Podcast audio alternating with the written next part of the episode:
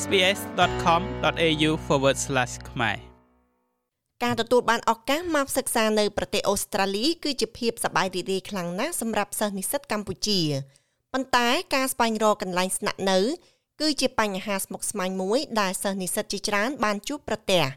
សិស្សនិស្សិតខ្លះបានត្រៀមលក្ខណៈរួចរាល់មុនពេលធ្វើដំណើរមកដល់ប្រទេសនេះរីឯអ្នកខ្លះទៀតគិតគូរអំពីបញ្ហានេះត្រឹមពេលដែលពួកគេបានមកដល់ប៉ុណ្ណោះ តើគួរត្រៀមលក្ខណៈបែបណាឲ្យបានត្រឹមត្រូវសូមស្ដាប់បទសម្ភាសជាមួយសិស្សនិស្សិតខ្មែរដែលកំពុងសិក្សានៅប្រទេសអូស្ត្រាលីចាមុនីបានមកដល់ប្រទេសអូស្ត្រាលីនេះតាំងពីពេលណាដែរចាបាទជំរាបបងខ្ញុំបានមកដល់ប្រទេសអូស្ត្រាលីនៅតាំងពីថ្ងៃ14ខែ2ឆ្នាំ2022បងចាហើយមុននេះមកប្រទេសអូស្ត្រាលីនេះតាមរយៈអាហារូបករណ៍ឬក៏យ៉ាងណាដែរចាបាទពួកខ្ញុំមកនេះតាមរយៈអាហារូបករណ៍របស់រដ្ឋាភិបាលអូស្ត្រាលីផ្ទាល់បង នៅពេលដែលមកដល់នេះតើគេមានសេវាកម្មអ្វីដែលជួយមនីក្នុងការស្វែងរកផ្ទះសម្បែងឬក៏មនីត្រូវតែស្វែងរកកន្លែងស្នាក់នៅខ្លួនឯងចា៎អឺមុននឹងយើងមកដល់គេមានខាងសាលាគេបានផ្ដល់ជាជា recommendation តទៅនឹងទីតាំងស្នាក់នៅដូចជានៅក្នុងសាលានិងក្រៅសាលាហើយគេបានផ្ដល់ព័ត៌មានជាតម្លៃជាមធ្យមជាតម្លៃជាមធ្យមតើតើគួរจะចំណាយអស់ប្រមាណប្រមាណអញ្ចឹង ប៉ុន្តែដោយសារពួកខ្ញុំមកនេះខ្ញុំបានសម្រេចចិត្តមករើសរើសយកកន្លែងស្នាក់នៅដោយខ្លួនឯងដែលមិនប្រើប្រាស់សេវាកម្មរបស់សាលាទេអញ្ចឹងវារៀងមានបញ្ហាតិចដែរមកដំបូងដោយសារតែទី1គឺកងតាត់ទៅនឹងផ្លូវច្បាប់គឺខុសពីប្រទេសយើងប្រទេសយើងគឺយើងទឹកដូចថាយើងចង់ជួលផ្ទះណាមួយអញ្ចឹងយើងដើរទៅជួបម្ចាស់ផ្ទះគេឬក៏តាក់ទងទៅម្ចាស់ផ្ទះគេនិយាយត្រូវគ្នា យើងអាចកក់លុយចូលនៅថ្ងៃណាថ្ងៃណាបានប៉ុន្តែនៅនេះគឺយើងត្រូវតែមានតាក់ទងតាមរយៈ agent ម្នាក់ទៀតហើយនីតិវិធីត្រូវ submit application ហើយការ submit application ហ្នឹងมันប្រកាសថាយើង secure ថាយើងអាចនឹងបានផ្ទះហ្នឹងនៅទេអញ្ចឹងត្រូវតំបងជួត្រូវរងចាំការឆ្លើយទៅវិញទៅមករហូតពេលខ្លះអត់បានពេលខ្លះក៏បានអញ្ចឹងទៅអញ្ចឹងលោកកន្លែងស្នាក់នៅនេះគឺសំខាន់ហើយខ្ញុំចង់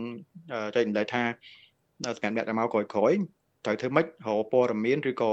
មិត្តភ័ក្តិឬក៏បងប្អូននៅនឹងស្រាប់ឲ្យគេជួយរកផ្ទះនៅឲ្យកុំឲ្យមកដល់យើងពិបាកព្រោះអីនីតិវិធីគឺប្រើពេលយូរថ្ងៃមិនមែនមកភ្លាមភ្លាមយើងបងលុយភ្លាមចំណើភ្លាមបានទេវាពិបាកកន្លែងហ្នឹងចាបច្ចុប្បន្នដ៏សំខាន់មែនតើមូនីចា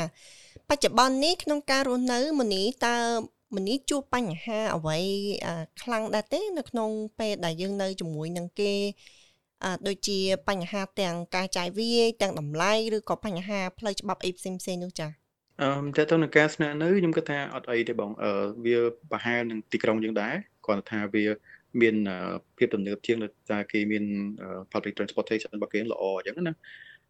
ចាប្រិមត្តស្ដាប់ជាទីមេត្រីឥឡូវនេះយើងជួបជាមួយនឹងនិស្សិតយើងមួយរូបទៀតចាឡៃហេងចង់សួរទៅឡៃហេងថាឡៃហេងមកដល់អូស្ត្រាលីនេះតាំងពីពេលណាដែរចា អឺបាទបងខ្ញុំទៅដល់គឺប្រហែលជា2ឆ្នាំមុនប៉ុន្តែក្នុងឡុងពេលហ្នឹងគឺកូវីដបងអញ្ចឹងទៅខ្ញុំសិក្សាតាមអនឡាញតាមប្រព័ន្ធអនឡាញក្នុងរយៈពេល1ឆ្នាំបងចាបច្ចុប្បន្ននេះឡៃហេងរៀនចប់ហើយហ៎អឺបច្ចុប្បន្នគឺអត់ទាន់រៀនចប់ទេបងនៅមួយឆ្នាំទៀតណាបងខ្ញុំនៅក្នុងរស់នៅ CBD គឺនៅក្នុងកណ្ដាលទីក្រុងតែម្ដងចាបាទបងល្អមែនតើ ចង់សួរទៅឡៃហេងដែរថា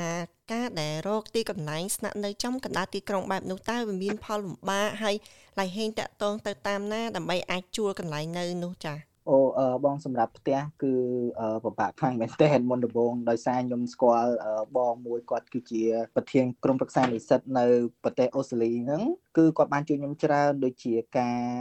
ស្វែងរកកន្លែងតំបន់មួយដែលធ្វើឲ្យយើងរស់នៅដោយមានសុវត្ថិភាពហើយងាយស្រួលហ៎បង ហើយគាត់បាន comment ថាអូទៅនៅម្ដុំចិត្តនៅក្នុង city ទៅមាន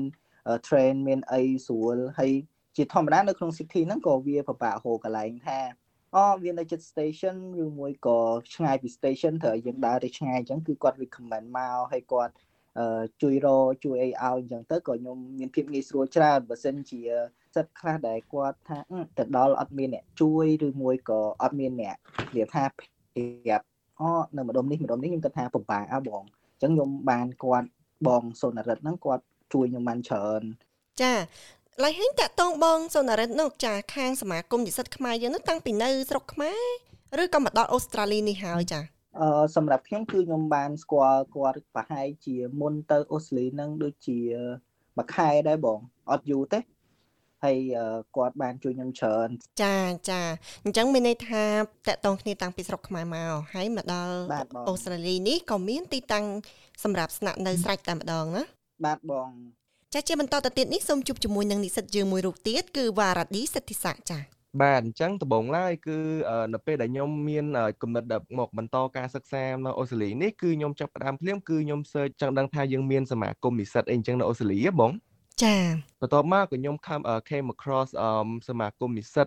កម្ពុជាប្រចាំរដ្ឋ Victoria បងដែលហៅកាត់អង់គ្លេសថា COV ហ្នឹងហើយខ្ញុំក៏បានតាក់ទងទៅគាត់ខ្ញុំសួរពីព័ត៌មានខ្លះខ្លះអីចឹងជា general information ដែលថាខ្ញុំត្រូវការអីខ្លះអីខ្លះចឹងដើម្បីទៅសិក្សានៅប្រទេសអូស្ត្រាលីហ្នឹងហើយក៏ក៏ពួកគាត់បាន offer advice ល្អល្អមែនតើបងដូចជាទីតាំងស្នាក់នៅអីហ្នឹងគឺបងម៉ៅសុនរិទ្ធដែលជាប្រធានក្រុមប្រឹក្សារបស់សមាគមសមាគមនិស្សិត កម្ពុជាប្រចាំរដ្ឋ Victoria ហ្នឹងគឺគាត់បាន offer របៀបថាជា advice ល្អល្អហើយនឹង option ដែលទីតាំងស្នាក់នៅដែលដូចជាមាននៅ city ឬក៏នៅ suburb ហ៎បងបាទគឺ advice ទាំងនេះដែលនាំឲ្យខ្ញុំនឹងអាចជ្រើសរើសនៅកន្លែងទីតាំងស្នាក់នៅមួយដែលល្អមែនតើដោយសារតែទីតាំងហ្នឹងគឺវានៅជិតសាលាដែលខ្ញុំរៀនហ្នឹង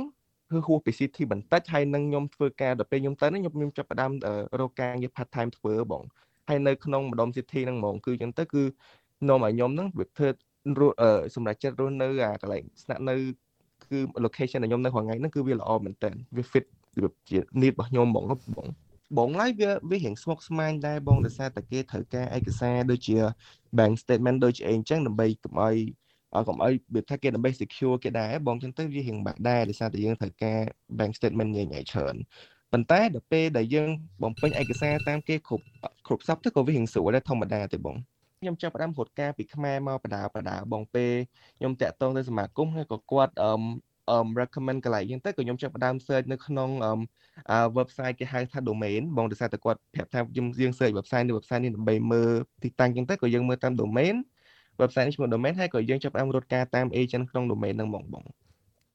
ចានិស្សិតយើងមួយរូបនេះគឺអឹងជាងី បាទអឺសួស្តីមិត្តស្ដាប់ទាំងអស់គ្នានិងអរគុណបងដែលផ្ដល់កិត្តិយសសម្រាប់ខ្ញុំនៅវេទិកានេះអឺបើនិយាយពីបទពិសោធន៍ខ្ញុំពេលដែលមកដល់ដំបូងគឺមកដល់ចុងខែ5ដែលពេលនោះ Melbourne ត្រជាក់ភ្លៀងត្រជាក់ភ្លៀងខ្លាំងមែនតែនបងពេលនោះហើយសម្រាប់បទពិសោធន៍ដំបូងពេលមកដល់ពីអាទិត្យដំបូងគឺរៀងពិបាកបន្តិចបងក្នុងការផ្លាស់ប្ដូរបរិបទក្នុងការរស់នៅចាជាងីចាចង់ដឹងមួយទៀតដែរថា នៅពេលដែលជាងីមកដល់ប្រទេសអូស្ត្រាលីនេះតើជាងីបានជួបនៅផលលំបាកនៅក្នុងការស្វែងរកទីកន្លែងស្នាក់នៅដែរទេចា៎បាទបងបាទអឺរៀងលំបាកដែរបង គឺលំបាកតាំងពីមុនមកដល់នេះបងដោយសារយើងឮធម្មតាយើងមកដោយសារខ្ញុំមកនេះតាមមហារូបករណ៍ហើយក៏ស្គាល់អ្នកមុនមុនសិស្សបងសិស្សប្អូនដែលធ្លាប់ធ្លាប់ពីមុនដែលគាត់ បានមកដល់មុន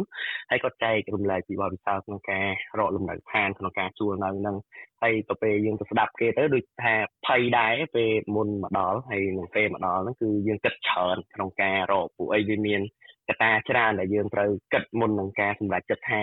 យើងចង់នៅកន្លែងមួយដែលយើងនឹងនៅ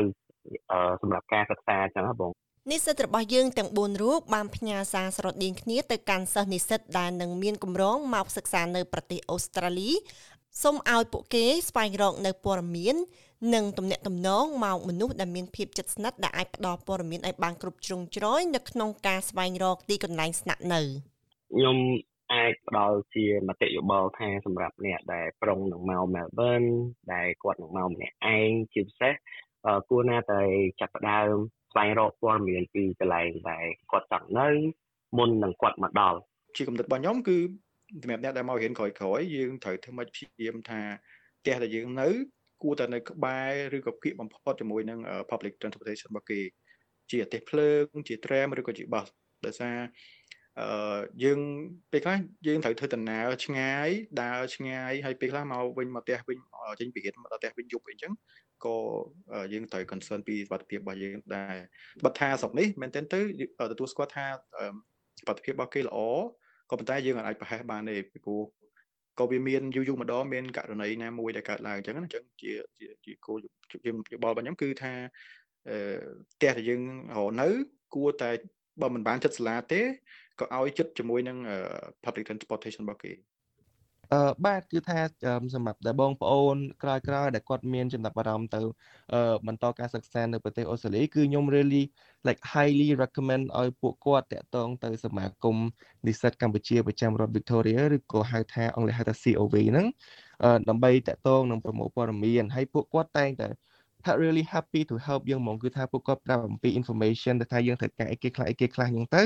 ហើយ ជាពិសេសគឺគាត់ជួយយើងសម្របសម្រួលមែនតើអំពីការរកទីតាំងស្នាក់នៅក៏ដូចជាការ tip សម្រាប់រស់នៅផ្សេងផ្សេងដូចជាប្រើ public transport អីចឹងបងព្រោះខ្ញុំគិតថាយើងទៅខ្លួនឯងវាទីមួយគឺវាពិបាកថងវា take time ដើម្បីយើង study អីទៅបងវាអត់សូវ convenient សម្រាប់យើងផ្ទាល់អញ្ចឹងបើយើងបានតាក់ទងទៅពួកគាត់តាំងពីដំបូងអញ្ចឹងទៅដើម្បីរៀបចំមកហើយពួកខ្ញុំអញ្ចឹងទៅវាក៏រៀងស្រួលដែរបង បើសិនជាពួកគាត់អ្នកអត់ស្គាល់ឬមួយក៏អីគាត់ទៅដល់អូទៅដល់ចាំទៅរកគឺខ្ញុំគិតថាពិបាកមែនទែនប្រិមត្តអ្នកស្ដាប់ជាទីមេត្រីបានស្ដាប់ពីសោតរបស់សិស្សនិស្សិតយើងហើយ ភ្នាក់ច្រើនគឺពួកគាត់បានត្រៀមលក្ខណៈតាំងពីពួកគាត់នៅក្នុងប្រទេសកម្ពុជាមកម្លេះដូច្នេះនេះគឺជាសារសំខាន់ណាស់សម្រាប់បងប្អូនសិស្សនិស្សិតក្រោយៗដែលមានបំណងចង់មកសិក្សានៅប្រទេសអូស្ត្រាលីបងប្អូនអាចតាក់ទងទៅសមាគមនិស្សិតខ្មែរដោយដែលនិស្សិតយើងទៅតែបានរៀបរាប់អំបញ្ញមិញនេះសូមអរគុណសូមជម្រាបលាចុច like share comment និង follow SPS ខ្មែរនៅលើ Facebook